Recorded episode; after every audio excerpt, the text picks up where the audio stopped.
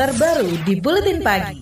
Lembaga Kajian Reformasi Hukum ICJR meminta DPR menunda pengesahan revisi Kitab Undang-Undang Hukum Pidana atau RKUHP. Peneliti ICJR Maidina Rahmawati mengatakan, masih banyak pasal bermasalah dalam draft revisi KUHP.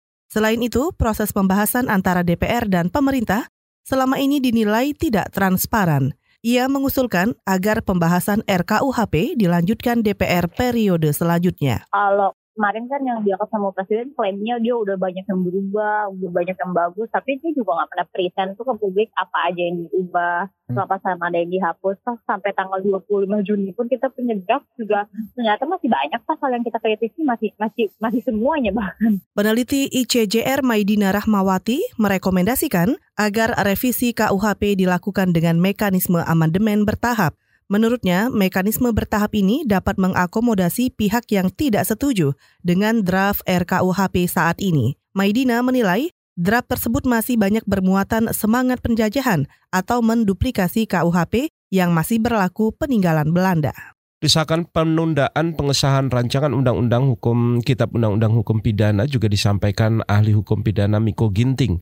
Miko beralasan revisi KUHP masih banyak pasal bermasalah, di antaranya pasal tentang penghinaan terhadap presiden dan tentang kesusilaan saya kira justru yang harus dilakukan adalah bagaimana menemukan jalan tengah dari ekspektasi yang tidak bertemu itu kan. Ini kalau saya kira ingin dipaksakan dalam tanda kutip oleh pemerintah dan DPR, saya kira langkah yang cukup ceroboh. Karena apa? Karena legitimasi kalau legalitas dari RKUHP nanti ya tentu ada legalitasnya karena ketika diundangkan akan jadi undang-undang gitu. Tapi legitimasi publiknya itu akan tetap bermasalah karena dianggap sebagai produk yang bermasalah gitu. Ahli hukum pidana dan peneliti dari Pusat Studi Hukum dan Kebijakan Miko Ginting menambahkan RUU KUHP saat ini lebih banyak mengatur ancaman pidana dibandingkan dengan KUHP lama yang masih berlaku saat ini. Ia mendesak perlunya kajian dan analisis terhadap dampak potensi kelebihan kapasitas lapas jika aturan KUHP yang sedang dibahas di DPR saat ini disahkan.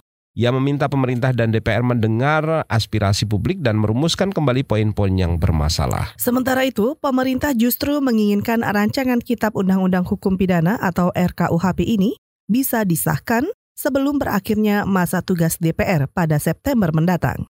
Kepala Kantor Staf Presiden Muldoko mengatakan, pemerintah sudah memulai berkomunikasi dengan DPR agar RKUHP bisa segera diselesaikan ia yakin pembahasannya di DPR yang mandek empat tahun bisa dipercepat.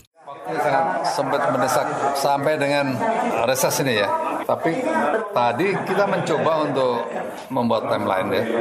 Mudah-mudahan ya bisa beres.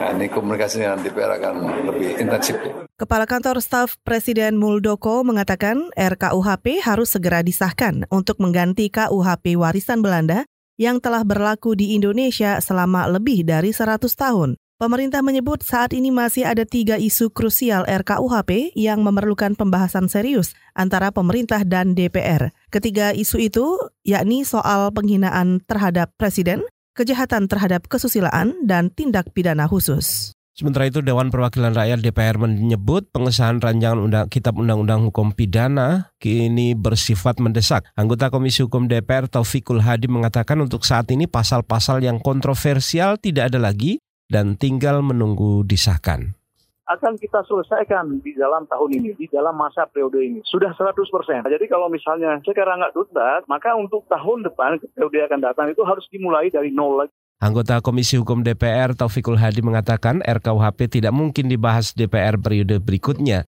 Ia beralasan dalam aturan perundang-undangan RU yang tidak selesai dibahas DPR periode tertentu tidak bisa dilanjutkan pembahasannya di DPR periode berikutnya. Menyinggung beberapa pasal yang dinilai banyak bermuara ke penjara, Taufikul Hadi mengatakan unsur hukum kemanusiaan telah ditekankan pada KUHP ini. Koalisi Masyarakat Sipil menyoroti draft RKUHP saat ini mengenyampingkan aspek kesehatan reproduksi dan kesetaraan gender. Salah satu pasal yang dinilai cacat dan harus dihapus adalah pasal kriminalisasi terhadap pihak yang mempromosikan alat pencegahan kehamilan. Mengenai pidana khusus, hukuman bagi para koruptor eh, pada RKUHP lebih rendah dibanding pada Undang-Undang Tipikor. Sejumlah pasal yang dinilai perlu diperhatikan dan diawasi adalah persoalan hukum adat, pidana mati, dan kesusilaan.